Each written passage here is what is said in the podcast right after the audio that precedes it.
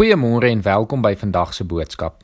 Ons het gister gehoor hoe God alles goed geskep het en hoe daar vrede en harmonie in die skepping was. Ongelukkig loop dit skielik baie skeef. God gee 'n opdrag aan die mens dat daar nie van die boom van alle kennis geëet mag word nie. Die boom van kennis oor goed en kwaad. Ongelukkig luister Adam en Eva nie. Hulle is ongehoorsaam en dan lees ons wat gebeur in Genesis 3 vers 1 tot en met 11.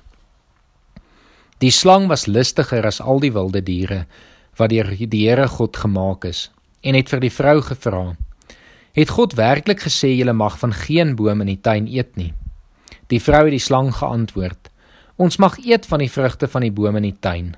God het net gesê ons mag nie eet van die vrugte van die bome in die middel van die tuin nie en ons mag dit nie aanraak nie want dan sterf ons.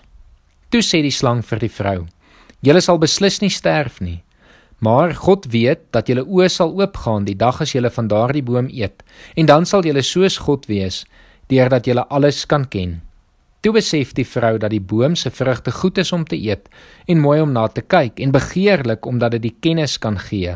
En sy het van sy vrugte gepluk en geëet. Sy het ook vir haar man by haar gegee en hy het geëet. Hulle albei se oë gaan toe oop en hulle besef dat hulle kaal is.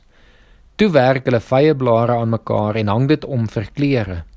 Hulle het gehoor hoe die Here God in die tuin wandel teen die tyd dat die aandwind opkom en die mens en sy vrou het vir die Here God weggekruip tussen die bome van die tuin.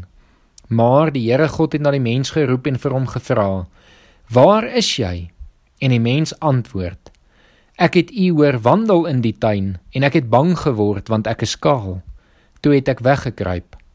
Die Here God vra toe: Hoe het jy te wete gekom dat jy kaal is? Het jy nie tog nie van die boom geëet waarvan ek jou verbied het om te eet nie? Hierdie gebeurtenis laat alles verander. Die goeie verhouding tussen God en mens is verby. Die harmonie in die skepping is verby en die rede daarvoor is eenvoudig. Die mens het kennis bekom van boosheid en het daardie kennis begin aanwend. Dit is geen wonder dat die eerste dood waarvan ons lees, moord is nie. Die mens het die kennis bekom dat ons mekaar kan doodmaak en wanneer Kain kwaad word, pleeg hy moord. En so het dit van die sondeval af aangegaan en aangegaan van geslag tot geslag en elkeen van ons staan skuldig. Die mens in sy kennis oor boosheid gebruik dit ten volle. So erg dat ons die hele skepping aangetas het. Ons lees in Romeine 8 dat selfs die skepping in afwagting sug om verlos te word van die gebrokenheid waarin die mens die skepping gedompel het.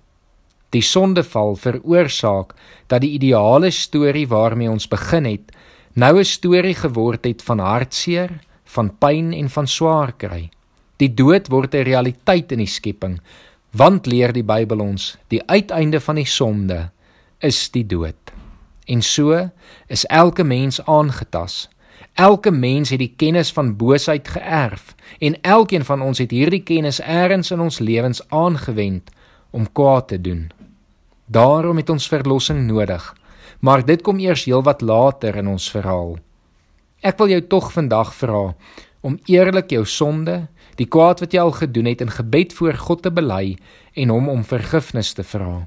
Maar ek wil ook dat jy vandag bewus sal wees van wat werklik die implikasies van die mensdom se sondes is en dat hierdie gedagte jou vandag werklik hartseer sal maak en dat jy eerlike berou daaroor sal hê.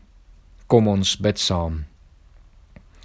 Here Jesus, ons is jammer vir die aandeel wat ons het in die sondeval. Ons is jammer dat ons ook die kennis oor boosheid aangewend het om ander seer te maak en om kwaad te doen.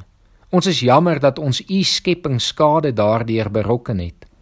Here, ons kom vandag na u toe en ons kom vra, Here, dat u ons sal vergewe.